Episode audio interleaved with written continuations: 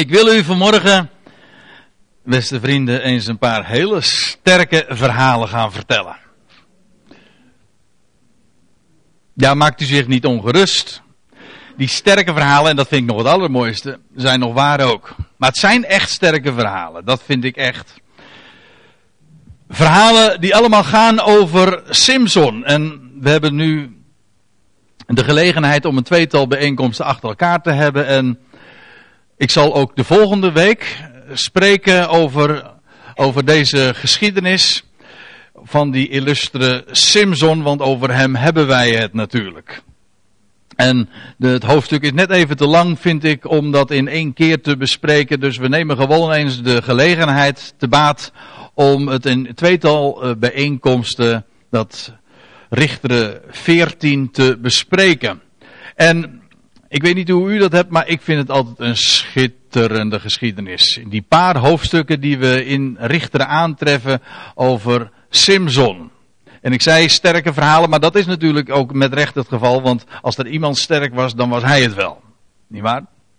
En die geschiedenis waar we het vanmorgen over hebben, die illustreert dat natuurlijk meteen al heel duidelijk over die leeuw die hij verscheurt en alles wat daarmee samenhangt. Maar goed, daar gaan we het over hebben. Maar een hoofdstuk later, in Richter 15, kom je dan dat verhaal tegen. Over die Filistijnse bende, duizend man lees je, die verslagen wordt met die ezelskaak. Met een ezelskaak versloeg ik dat ezelstuig. Met een ezelskaak, duizend man. Ja. Dat is er, Richter 15. Als je nog een hoofdstuk verder leest, dan kom je, eh, ja, kom je bij die poorten van Gaza terecht waar hij bij een hoer kwam. Ja, Simpson had iets met vrouwen. Er zijn wel meer mannen die wat met vrouwen. maar ik bedoel, ja, en, uh, maar uh, erg veel geluk bracht het hem niet. Dat is trouwens ook typologisch hoor. Hij kwam tot een, uh, ja, je leest dat dan diverse keren. Hij kwam tot een vrouw, een hoer, staat er dan. En dan zeggen we van, dan hebben we altijd de neiging om daar meteen een moreel etiket aan te, of een labeltje aan te hangen. Van dat was, dat was ethisch onzuiver en allemaal waar hoor, daar gaat het niet om. Maar het prachtige is, dat al ondanks het feit dat hij tot een hoer ging, een Filistijnse vrouw, een, een volk van onbesnedenen. Ja, maar het is, typologisch. Dat wil zeggen, het wijst profetisch heen naar hem die tot een, dat volk kwam als een bruidegom, maar een volk waarvan gezegd wordt dat het onbesneden van hart was. Ja, maar in zijn eerste komst was het, hij kwam voor zijn bruid, maar zij was niet geschikt.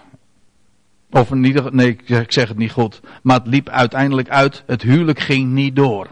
Het werd een drama. Nou, dat is in feite ook het verhaal van Richter 14. Nou ja, uh, die, dat die schitterende geschiedenis dat hij die, die poort dan ontwricht. En uh, ja, weet, weet, u dat? Dat hij met die stadspoort, dat hij een 60 kilometer verder, daar hoog op de berg neerzet. Nou, dat wist u niet, hè? Dat het 60 kilometer verderop was, maar het is echt zo. Ja, nou, eh, ook een prachtverhaal natuurlijk. En nou, wie kent niet het verhaal van Samson en Delilah? Daar zijn mooie liederen over gezongen en songs over gemaakt. Uh, weer dat, uh, dat bekende thema dat als een rode draad door Simpsons verhalen heen loopt. En dan natuurlijk deze. Uiteindelijk in zijn sterven dat hij in zijn dood over, was zijn overwinning groter, staat er dan ook, dan in het hele voorgaande leven. Hij heeft meer mensen, hij heeft meer vijanden verslagen in zijn dood dan in zijn hele leven bij elkaar. Staat er. En die zuilen die hij uiteendrukt, ja, dat zijn. We zullen ongetwijfeld. Ik ben weer helemaal aangestoken door het Simpson-virus. Als klein ventje had ik al wat met, met die man. Ik, ik, zijn verhaal heb ik verslonden in de kinderbijbel van Anne de Vries. Ik, al die platen, ik zie ze nog voor mogen. Maar opnieuw ben ik weer helemaal aangestoken. Maar vooral nu ook om, ja. Om dat te onderwijzen. Ik zal dat even toelichten te onderwijzen. En dat neem ik dan even heel letterlijk, om eronder te wijzen. Dat is eigenlijk wat onderwijzen ook is. Onder de oppervlakte de dingen aan te wijzen. De diepere verbanden, de typen, waarin het werkelijk, waarin waarnaar het werkelijk heen wijst. Want het zijn natuurlijk schitterende verhalen. Die Gods kracht demonstreren. Maar het zijn vooral verhalen die iets vertellen over de verlosser die zou komen. Ik, zal, ik ga u van, vanmorgen vertellen. En laat ik dat eerst even ter inleiding zeggen. Ik zal een paar dingen even over het voorgaande hoofdstuk vertellen. Over Richteren 13. En ik wil u laten zien dat Simpson in zijn hele verschijning een type is van Christus komst in vernedering. Om, om een aantal dingen te noemen. Ik zal u vijf voorbeelden daarvan geven. Vijf punten die dat toch wel heel duidelijk aangeven. Je leest in Richteren 13, vers 5. Want zie, dat wordt tegen de moeder van Simson gezegd. De vrouw, de vrouw van. Hoe heette ze ook alweer? Hoe heette hij? Manoah. Hoe zij heette weten we niet. Maar eh, de man heette Manoah. Maar in elk geval, tegen de vrouw van Manoah wordt gezegd: Want zie, gij zult zwanger worden en een zoon baren. Exact dezelfde woorden die we ook vinden in Lucas 1, vers 31, als Maria wordt aangesproken. Was ook een onmogelijke geboorte trouwens, want in het ene geval betrof het een maagd, in dit geval betrof het een onvruchtbare vrouw. Een vrouw die menselijkerwijs gesproken niet zou kunnen baren. Maar dat zien we in de Bijbel wel vaker. Dat God leven verwekt in een vrouw die verstorven is. En ik hoop dat u begrijpt wat ik nu bedoel. Het is in wezen een, een geweldig beeld over leven dat verwekt wordt uit de dood. Wel, dat heeft de moeder van Simpson ervaren. Ze was onvruchtbaar en naar de mens gesproken was het een onmogelijke geboorte. Simpsons geboorte, en ik zou dat ik zou dat wat uitgebreider moeten toelichten, maar Simpsons geboorte is feitelijk een type van de verschijning van Christus in deze wereld in het verleden. Ja. Een ander punt. Hij, je leest van Simpson dat hij was een Nazireer. Nee, geen Nazarener, een Nazireer. En dat wil zeggen dat hij stond onder een gelofte. Normaal gesproken stond een Nazireer voor een bepaalde beperkte periode onder een gelofte, maar Simpson zijn hele leven, vanaf de moederschoot. En dan lees je dat er van hem gezegd wordt: geen scheermes zal ooit op zijn hoofd komen. Ja, nou moet u weten dat lang haar in de Bijbelse symboliek, we zijn dat soort dingen allemaal kwijt, dat is nu eenmaal zo en dat daar kun je over klagen, maar dat is. Uh, vroeger wisten we veel meer over, over typologie, over symboliek, ook in de natuur, waar dingen een uitbeelding van zijn. Maar lang haar is in de Bijbel een uitbeelding van, van onderschikking. Het is alweer een heel tijdje geleden dat we toen een keer een studie hebben gewijd aan 1 Korinthe 11, maar waarin Paulus die dingen ook uitlegt. Nou, lange haar is een uitbeelding van onderschikking en dat is precies ook wat Simpson kenmerkt. Simpson is een type van hem die kwam in vernedering, maar ik moet eigenlijk ook zeggen, die, laat ik het anders zeggen.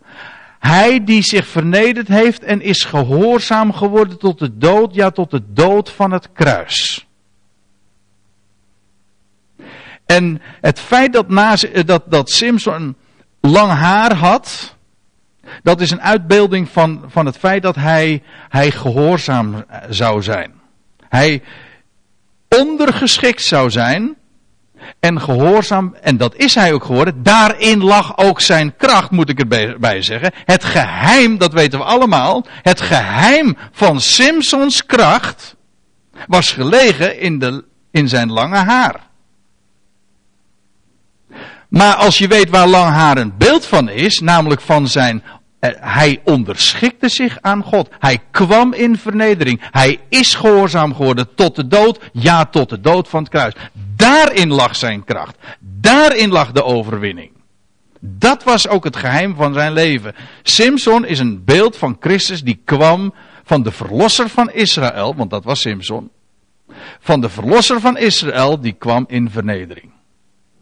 En die in de weg in gehoorzaamheid zou gaan. Daar is dat lange haar een beeld van. Ik wil, ik wil daar nu verder niet uh, nog dieper op ingaan. Ik wil even een paar dingen aanstippen waar de, waarin ik wil laten zien dat Simpson inderdaad een type is van Christus. Je leest trouwens ook, want behalve dat een Nazireër geen, uh, zijn haar niet zou laten knippen, lees je ook nog iets anders van hem. Dan wordt er namelijk in Richteren 13 gezegd, tegen de moeder van Simson, die zwanger zou worden. Dus drink geen wijn of bedwelmende drank. En eet niets onreins, want van de moederschoot af tot de dood, tot de dag van zijn dood, zal de jongen een nazireer van God zijn. Dus twee kenmerken. In de eerste plaats wat hem onderscheiden. Er zou geen scheermes ooit op zijn hoofd zijn, dat wat voor een man niet normaal is. Maar bij hem zou dat zo zijn. En het tweede, hij zou geen wijn of bedwelmende drank drinken. Maar dat heeft ermee te maken dat wijn in de Bijbel spreekt van nieuw leven. Dat, komt, dat, is, dat, spul, dat komt uit de kelder, uit het, uit, uit het graf. En dat, ja, laat ik het zo zeggen, wijn en bedwelmende drank zijn als geestrijk vocht. Hè, zo noemen wij het ook. Geest, dat, dat is dat, dat vervluchtige, dat, dat, wat, dat wat vervliegt, dat, de alcohol. Dat wat vrolijk maakt. Hè, dat is een uitbeelding van opstandingsleven. Ik heb er maar achter gezegd, hoe we dat ook inderdaad uitdrukken. Op het leven. Ja, dat is wat wijn uitbeeldt. Het spreekt van dood, jawel, dat is waar. Wijn spreekt van dood en opstanding. Het spreekt van het graf, maar dan wel het geopende graf. Dus weggewentelde steen.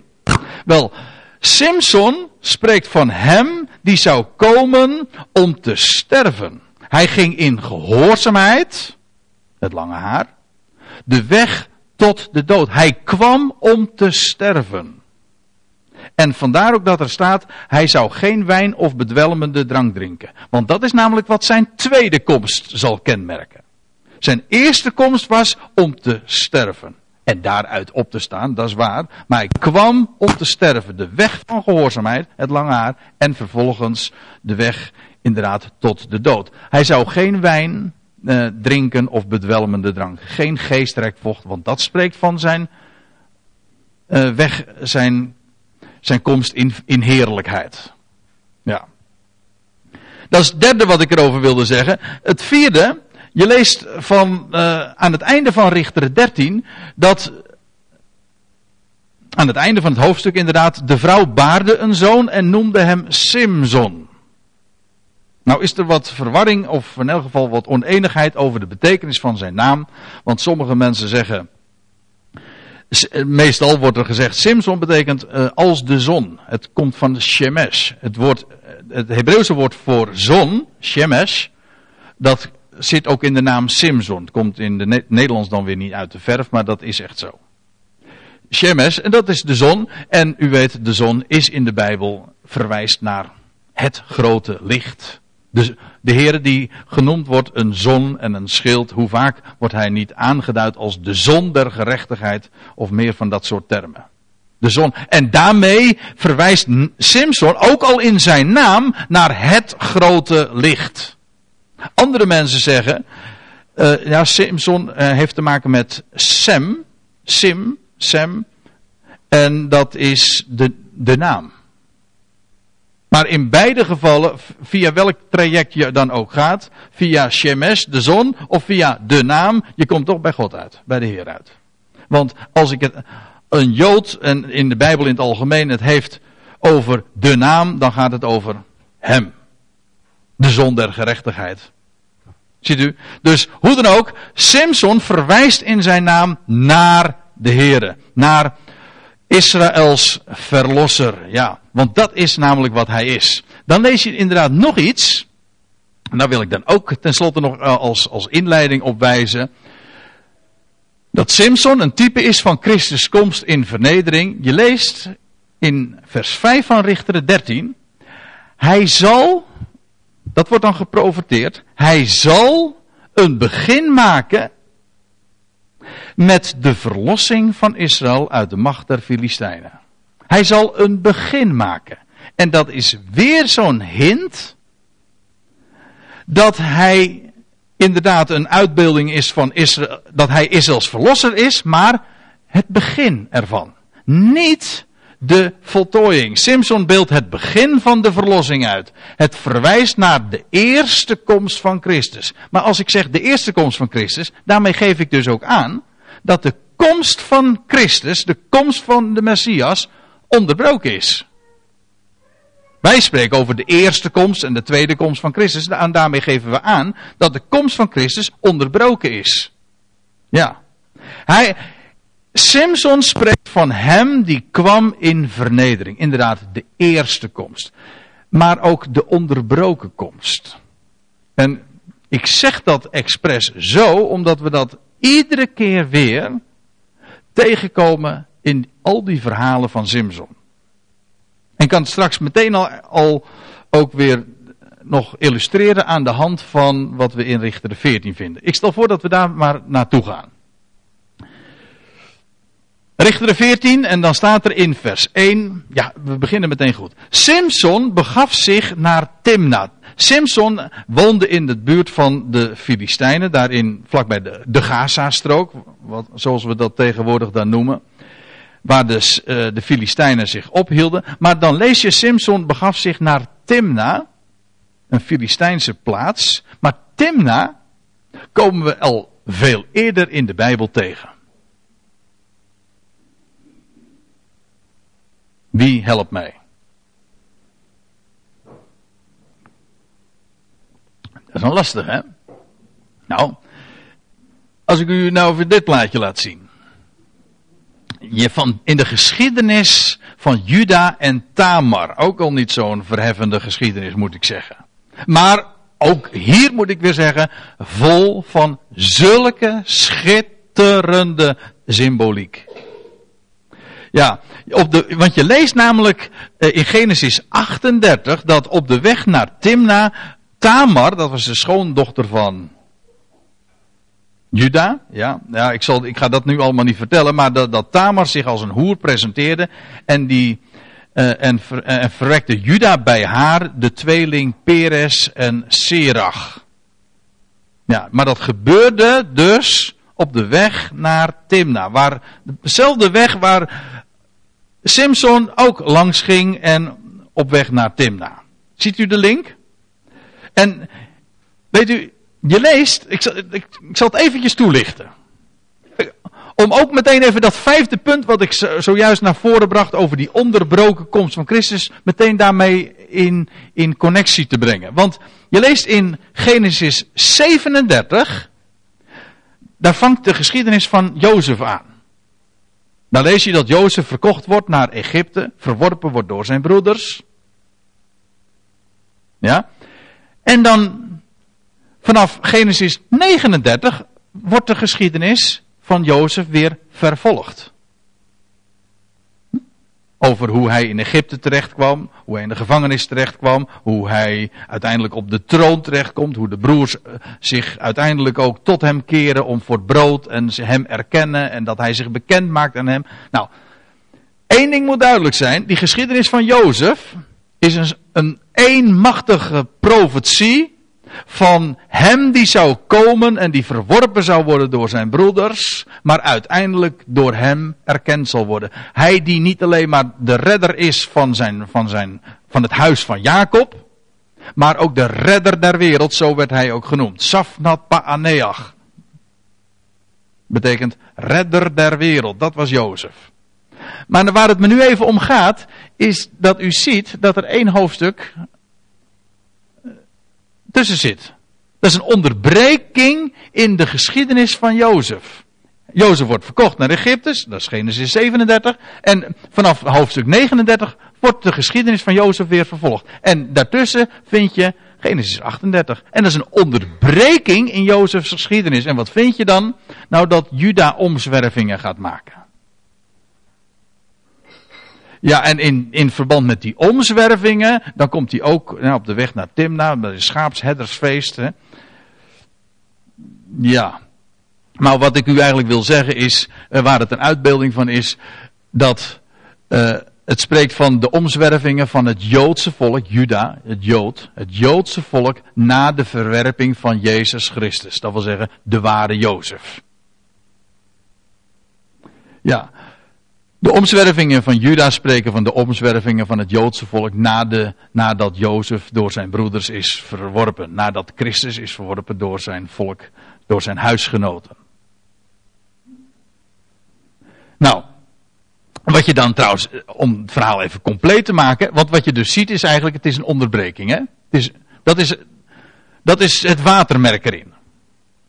Een onderbreking in de geschiedenis. Dat, daar heeft Timna mee te maken. Uh, wat je trouwens dan ook leest, want bij die Tamar wordt een tweeling verwekt. En dat was zo wonderlijk bij die geboorte. En dan lees je dat Serach geboren wordt. Serach betekent opgaand licht de Shemesh, hè? Opgaand licht. Ja, maar wat doet hij bij de geboorte? U moet dat maar eens nalezen, want u denkt van, dit vind ik ook een sterk verhaal, maar lees het maar na. Genesis 38. Dat hij zijn hand uitsteekt bij de geboorte. Zijn rechterhand. En dan de, de, de vroedvrouw die is zo voortvarend uh, om daar dan een, eh, een scharlaken koord om zijn hand te binden. En wat doet hij? Hij trekt zijn hand terug. Ja, dat de scharlakenkoord was namelijk belangrijk, want om te weten wie de eerstgeborene was. Dus hij denkt van, nou, dat is de eerstgeborene, maar wat gebeurt er? Hij trekt zijn hand terug en dan, dan breekt die andere jongen, die ook in de moederschoot zat, breekt door. En die ontleent zelfs zijn naam daaraan, want hij heet Peres. Maar Peres betekent gewoon doorbreker, of hij die onderbreekt. Breuk. Hij wordt als eerste geboren en na die Peres komt Serach alsnog met het scharlakenkoord om zijn hand ter wereld. Dus eigenlijk gaat het over de onderbroken komst van Zerach. Het opgaande licht. Nou, Christus komst als het opgaande licht wordt onderbroken. Ook hier weer die, dat idee van onderbreking. Hou hem even vast. Ik noem dit even omdat Timna dus al eerder in de Bijbel voorkomt in dit verband. Wel, Simson is dus begaf zich naar Timna. Dat is niet voor niks dat het er zo staat. Alles heeft in de Bijbel met alles te maken. Hij begaf zich naar Timna, Timna en hij zag te Timna een vrouw, een van de dochters van de Filistijnen. En hij keerde terug en hij deelde zijn vader en zijn moeder mee. Ik heb de Timna een vrouw gezien en een van de dochters van de Filistijnen. Nu dan, neem haar mij tot vrouw. Want dat is in wezen een transactie in, in bijbelse tijden van de ouders. De ouders die zorgen voor uh, de echtgenoot, echtgenote van hun zoon of dochter. Een hele mooie uh, manier van regelen waar niet iedereen het mee eens is. Maar goed, dus dat, dat, was het gebruik in de Bijbelse tijden. En, en zonde. En voordat we daar heel meewaardig over gaan doen en zeggen van wat een ouderwetse gebruiken. Ik zal u vertellen, in het gebruik zat heel veel wijsheid. Ja. Maar goed, laten we het daar maar niet over gaan hebben. Want het zou uh, erg van uh, de weg uh, voeren. Ja. We, we, waren dus op weg naar Timna. Goed, um, ik heb de Timna een vrouw gezien, een van de dochters van de Filistijnen. Nu dan, neem haar mij tot vrouw. Maar zijn moeder en zijn moeder die zeiden tot hem, is er onder de dochters van, de, van uw stamgenoten en onder heel mijn volk geen vrouw, dat gij een vrouw gaat halen bij de Filistijnen, die onbesnedenen? Ik kan me heel goed voorstellen dat Manoah en zijn vrouw niet gelukkig waren met de keuze van Simson. Maar ja, Simson was erg uh, vastbesloten. Trouwens, ik moet erbij zeggen, ook hierin zie je weer. Uh, ik herinner er, er, nog eens aan, Simpson spreekt van de Messias in zijn eerste komst. De vrouw, maar dat heb ik eigenlijk ook al even aangegeven. De vrouw die spreekt van Israël, van dat, die Filistijnse vrouw. Het is een, een, een vrouw uit de onbesnedenis. Maar spreekt van Israël dat onbesneden van hart was. Wel, de Messias kwam tot zijn volk als de bruidegom. Maar het zou uiteindelijk in zijn eerste komst eindigen in een grote tragedie. Dat zul je in dit hoofdstuk ook zien. Maar moet u nou eens opletten wat er gebeurt. Doch Simson zeide tot zijn vader: Neem haar voor mij, want zij bevalt mij. nou, als dat geen afdoend argument is. Neem haar voor mij, want zij bevalt mij. En zijn moeder en zijn, ja, zijn vader en zijn moeder, die wisten echter niet dat dit zo door de Here beschikt was. Dat is eigenaardig. Want de keuze van Simpson was helemaal niet verstandig, naar de mens gesproken. Was ook niet goed, want hij, hij ging een, een, een vrouw uit de Filistijnen trouwen. Toch staat er, in de Statenvertaling correct, er staat het helemaal correct weergegeven, het was van de Heer. Wij zijn geneigd om meteen, ik had het er al, ook daar al even over, om daar meteen zo'n morele labeltje aan te hangen van, uh, niet goed, wat Simpson deed. Ja, maar het was van de Heer. Dat wisten zij veel. Ja, het, moet u nagaan, het huwelijk zou op niks uitlopen, al zelfs in, in de aanvang. In de bruiloftsweek al. Het zou op niks uitlopen en toch was dit van de Heer. Ja, dat is voor veel mensen, ook evangelische christenen, is dit natuurlijk erg slikken. Dat iets wat niet goed is, toch van de Heer is. Het was niet goed, maar het was wel van de Heer. Ja, en maar weet u, dat staat in Spreuken 16 en die, dat, dat vers moet je echt in je oren knopen. Daar staat in Spreuken 16 vers 4. De Heere heeft alles gemaakt voor zijn doel. Ja, zelfs de goddeloze voor de dag des kwaads. Met andere woorden, bij hem gaat nooit iets mis en zelfs door het grootste kwaad bereikt hij zijn doel. En wat hier gebeurde en hoe dit, dat, dat hele verhaal van Simpsons huwelijk, hoe dat eindigde in, in een vreselijke tragedie en toch, het was van de Heer. Er staat trouwens ook bij dat Simpson, want Simpson was zich bewust van zijn roeping. Want je kunt natuurlijk zeggen van die Simpson, hij was een eigenzinnig man, ja, maar we lazen al even eerder dat Simpson, hij kreeg de naam Simpson, verwijst naar de Heer, hij, gaf licht. En er staat er ook nog bij, in, terwijl hij opgroeide, de Heere zegende hem. En die Simpson, hij werd gezegend door de Heer en hij wist, hij wist van zijn roeping dat hij een begin zou maken met de verlossing van Israël. En Simpson, van hem lees je, hij zocht, hij zocht een voorwendsel, letterlijk staat er een gelegenheid tegen de Filistijnen. Dat was zijn roeping. Het ging uit hem uiteindelijk dus helemaal niet om die vrouw, maar hij zocht een gelegenheid tegen de Filistijnen.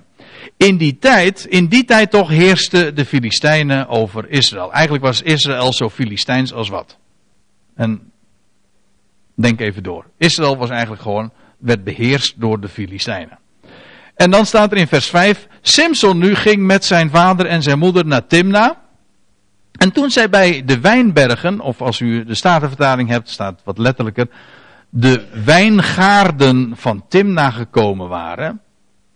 En een wijngaard, een wijngaard, waar is dat een beeld van? Heel wat keren trouwens, in de, in, bij de profeten met name vind je dat een, een wijngaard spreekt in de bijbelse symboliek van het volk van Israël. In Jezaja vind je, in Jezaja 5, een, een, een heel lang een hoofdstuk waarin dat breed uitgemeten wordt, waarin Israël vergeleken wordt met, met, een, met een wijngaard. Wel, de Heere kwam tot zijn volk. Als een, de Heer kwam, ik bedoel, de Messias kwam tot zijn volk, tot de zijnen tot de wijngaard, tot de vrouw die hij zou huwen. Ja, dat, dat is het idee. En, maar er gebeurt iets. Zie, een jonge leeuw kwam hem brullend tegemoet. En dan vervolgens in vers 6. Maar de geest des Heren greep hem aan. Dit is de eerste gelegenheid trouwens dat je in, van Simpson leest dat er werkelijk dat hij zijn kracht gaat demonstreren. De geest des Heren greep hem aan zodat hij die leeuw, die jonge leeuw, die brullend op hem af was gekomen, uiteenscheurde zoals, het is eigenaardig zoals dat erbij staat. Zoals men een bokje uiteenscheurt zonder dat hij iets in de hand had. En die uitdrukking uiteenscheuren vind je elders ook in verband met de offerdienst. Als er een dier, als, als een dier geslacht wordt en dan worden de verschillende delen uiteengescheurd. Feitelijk wordt hier de associatie gemaakt met de offerdienst. Hij de leeuw werd uiteengescheurd, gelijk men een bokje uiteenscheurt. Ho hoezo? Doe je dat dan dagelijks? Nee, nee, dat is het ook niet, maar het gaat juist om de link. De leeuw wordt uiteengescheurd, gelijk men een bokje uiteenscheurt, zoals dat in de offerdienst ook gebeurt. Op die wijze. Zonder dat hij daar nog iets in de hand had. Nou, waar ik eh, naar, naartoe wil, en u voelt hem aankomen, is dat die leeuw, die verscheurde leeuw, spreekt van het lam dat geslacht is. En die associatie vind je in het laatste Bijbelboek op de, op de allermooiste manier die je maar kunt bedenken. Dan lees je in Openbaring 5. Zie, de leeuw uit de stam van Juda, de wortel Davids, hij heeft overwonnen. En als je dan even verder leest, dan staat er, en ik zag in het midden van de troon, en wat, dan zou je verwachten, en ik zag een leeuw. Nee. En ik zag een lam, eigenlijk staat er een lammetje, ik zag een lammetje staan als geslacht.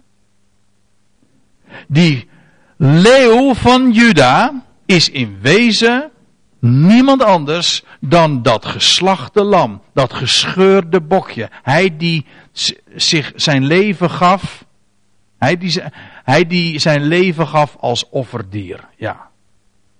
Dat is dezelfde.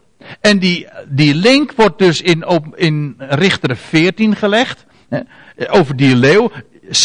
Simpsons pad wordt gekruist. Mooi beeld trouwens. Een mooi, mooi woord in dit verband. Simpsons pad wordt gekruist door een leeuw. En die, die leeuw wordt uiteengescheurd gelijk men een bokje uiteenscheurt. Het idee is, de verscheurde leeuw spreekt van het verscheurde bokje en eigenlijk is het één en dezelfde. En hou hem even vast. Want kijk, in het algemeen trouwens moet ik erbij zeggen, de leeuw in de Bijbel, maar niet alleen in de Bijbel, de leeuw in het algemeen is uh, ook in, uh, in het gewone spraakgebruik bedoel ik, is de koning. De koning der rieren.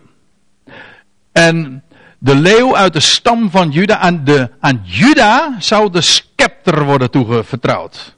En al in, in het boek Genesis, daar vind je al dat de leeuw de koning zou zijn. de leeuw is een uitbeelding van Juda de, en van de grote overwinnaar. De leeuw van Juda is hij die overwonnen heeft. Maar wie is de overwinnaar? Wel, niemand minder dan dat lammetje dat ooit in vernedering kwam en stierf. Kijk, dat soort associaties, dat soort linken ga je leggen wanneer je, wanneer je zo'n verhaal als in Richter 14 tegen het licht houdt. En wat je dan ziet, op de achtergrond, het kan niet missen, is dat watermerk. Je ziet de leeuw, achter die leeuw zie je de leeuw van Juda verschijnen. En ik zal dat ook nog nader aantonen, want wat je leest, is, uh, nou vervolgens, nog aan eh, zijn vader, nog aan zijn moeder, deelde hij, Simson, echter mee wat hij gedaan had. Ook wel zo eigenaardig, hè, als je zoiets hebt beleefd.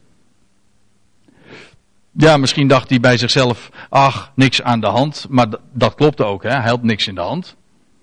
Maar ik denk dat daar zit natuurlijk meer achter. Hij deelde het niet mee, het, het, het werd namelijk ook het motief voor het grote raadsel in dit hoofdstuk. Ik ga het vanmorgen niet eens hebben over dat raadsel. Daar gaan we het volgende week over hebben. Daar komen we niet meer aan toe. Maar dit is de voorgeschiedenis. Dit moet je weten. Eerst moet dat weten over die verscheurde leeuw. Maar dat niet alleen, want je leest over die leeuw. Dat, nu is het verhaal namelijk nog niet afgelopen.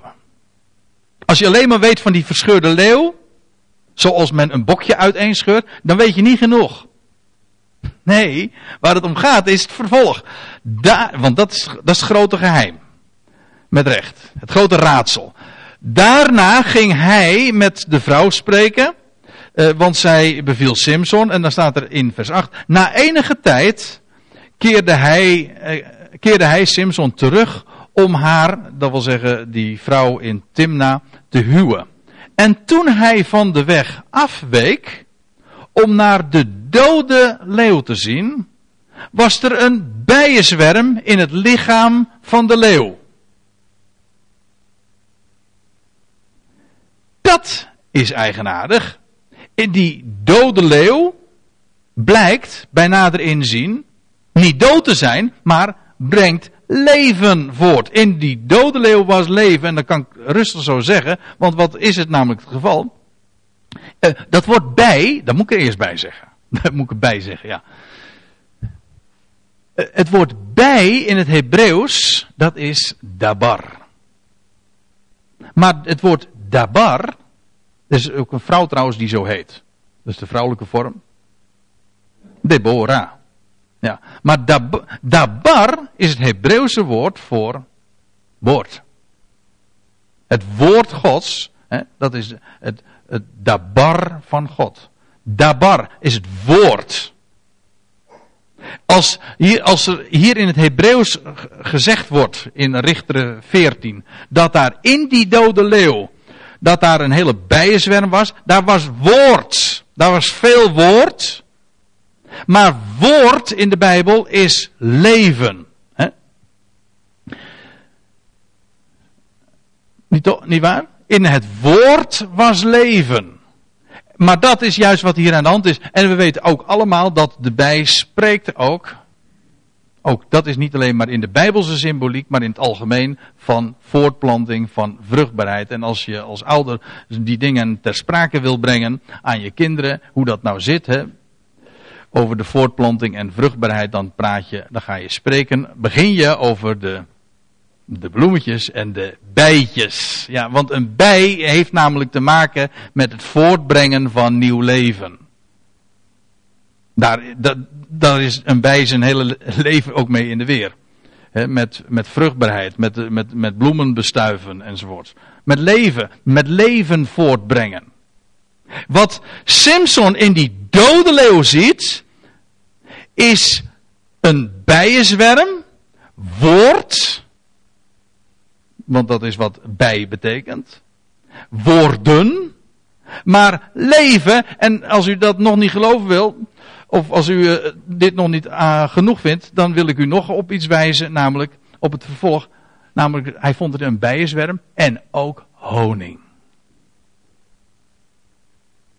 En honing, ja, dat is wat voortkomt uit de bij, nietwaar? Het woord van een honing is in de Bijbel een beeld van het woord van God. De ding, kijk, ik zei u zojuist over die, de, dat dabar. Is, dat is woord. Jammer dat dat in het Nederlands niet uit de verf komt, maar daarom vertel ik u het ook. Ik wijs u gewoon wat eronder ligt, in het Hebreeuws. Dabar is, is woord. Ja, en dat is wat die, die leeuw voortbracht. levend woord. En daar spreekt, het, daar spreekt honing ook voor. Het, dat wat de bij voortbrengt. Leven namelijk. Wat trouwens ook de ogen verlicht. Ja, daar moet ik aan denken. Ik heb vorige week over een geschiedenis gesproken over Jonathan. Die, het mocht niet, maar die at ook van de honing. En dan lees je, zijn ogen stonden verlicht. Dat is wat honing doet. Maar van honing lees je, ik kom er volgende week ongetwijfeld nog even op terug. Maar van honing lees je dat het, eh, het woord van God, Psalm 19. Wat is er zoeter dan honing? Het woord van God zoeter dan honing, ja dan honingzeem uit de raad. Dat is waar, waar, waar honing van spreekt. Het is zoet, het wordt gevonden in die, in die verscheurde leeuw. Dus die dode leeuw bracht leven voort. Was eigenlijk wat daar gezien wordt, en, en ik kan me voorstellen dat dat voor Simpson een merkwaardig schouwspel is geweest, dat er in die dode leeuw, dat daar een hele bijenzwerm en dat er honing gevonden wordt. En wat je dan leest is, hij haalde die eruit, nam die in zijn hand en ging al etende verder. En zijn ogen stonden misschien wel verlicht, hè, denk ik er dan bij. Waarna hij ook uh, naar zijn vader en moeder ging en ook hun ervan te eten gaf. Maar hij vertelde hun niet dat hij de honing uit het lichaam van de leeuw had gehaald. Dat was allemaal nog dus geheim. Hij, dat wordt niet verder verteld. Maar het grote geheimenis hier is, en dat moet u vasthouden. Het grote geheimenis is dat hier de leeuw, die sterke leeuw, een verscheurde leeuw is. Dat is één ding. Maar bovendien, het brengt leven voort. En dat is het de basis voor het raadsel wat hij vervolgens op de bruiloft gaat vertellen. De dode leeuw brengt leven voort. En woord dat spreekt van leven. Wel, dat is in wezen waar het hele goede bericht van de Bijbel over gaat. Het wijst op de grote overwinning. Niet alleen maar op het kruis van Golgotha, maar het wijst op Hem die juist door die weg onvergankelijk leven aan het licht brengt. En de woorden Gods, ja, die brengen die bij, hè. De woorden Gods, de, de, de uh, hoe staat het er in het Hebreeuws? De barim. De woorden Gods brengen levend woord en dat is zoet. Zo zoet, omdat het de mens troost. Het spreekt van het onvergankelijke. Het doet de mens stralen. Dat is alles wat, wat de werking van, van dat nieuwe leven is. En dat woord van nieuw leven. Goed. Simpson lees je dat hij dat hun uh, ook geeft. En ik wil daar de volgende keer graag ook, uh, ook, ook, ook verder over uh, vertellen. Over die, die geschiedenis. Ik, kan, ik zei al, ik doe maar de helft. Ik heb het hoofdstuk gewoon in tweeën geknipt. En de volgende keer wil ik u wat gaan vertellen over dat raadsel van Simpson. Dat is één ding. Maar ook hoe Simpsons huwelijk in een drama eindigde. Maar juist daarin blijkt, en dat zullen we de volgende keer zien, maar juist daarin blijkt ook hij weer een schitterend plaatje te zijn. Tot dusver hebben we, houden we, houden we eventjes de conclusie vast dat Simpson spreekt over de, de grote, sterke held. Ja, en waarin is, was zijn kracht gelegen? In zijn lange haar, in de weg die hij ging, in ondergeschiktheid, tot de dood, ja, tot de dood van het kruis. En juist daar, daar brengt, daar wordt, door die weg wordt nieuw leven, overwinning leven. Die zoetigheid van de honing wordt voortgebracht. En dat is precies wat we aan elkaar ook geven. Als we hier bijeen zijn, dan serveren we elkaar gewoon honing. Want te midden van de troosteloosheid van het leven en alles wat je zo tegenkomt en wat, wat je te neer kan drukken, dan is er niets wat werkelijk overtreffend is en wat zoetigheid is en wat zo geweldig licht is in de duisternis. Namelijk het woord van overwinning, het woord van de levende God die zijn weg gaat met deze wereld, met elk schepsel. Ik stel voor dat we de volgende keer daar inderdaad mee verder gaan. Eigenlijk is dit ook een onderbroken studie, ja. Zullen we een lied gaan zingen met elkaar?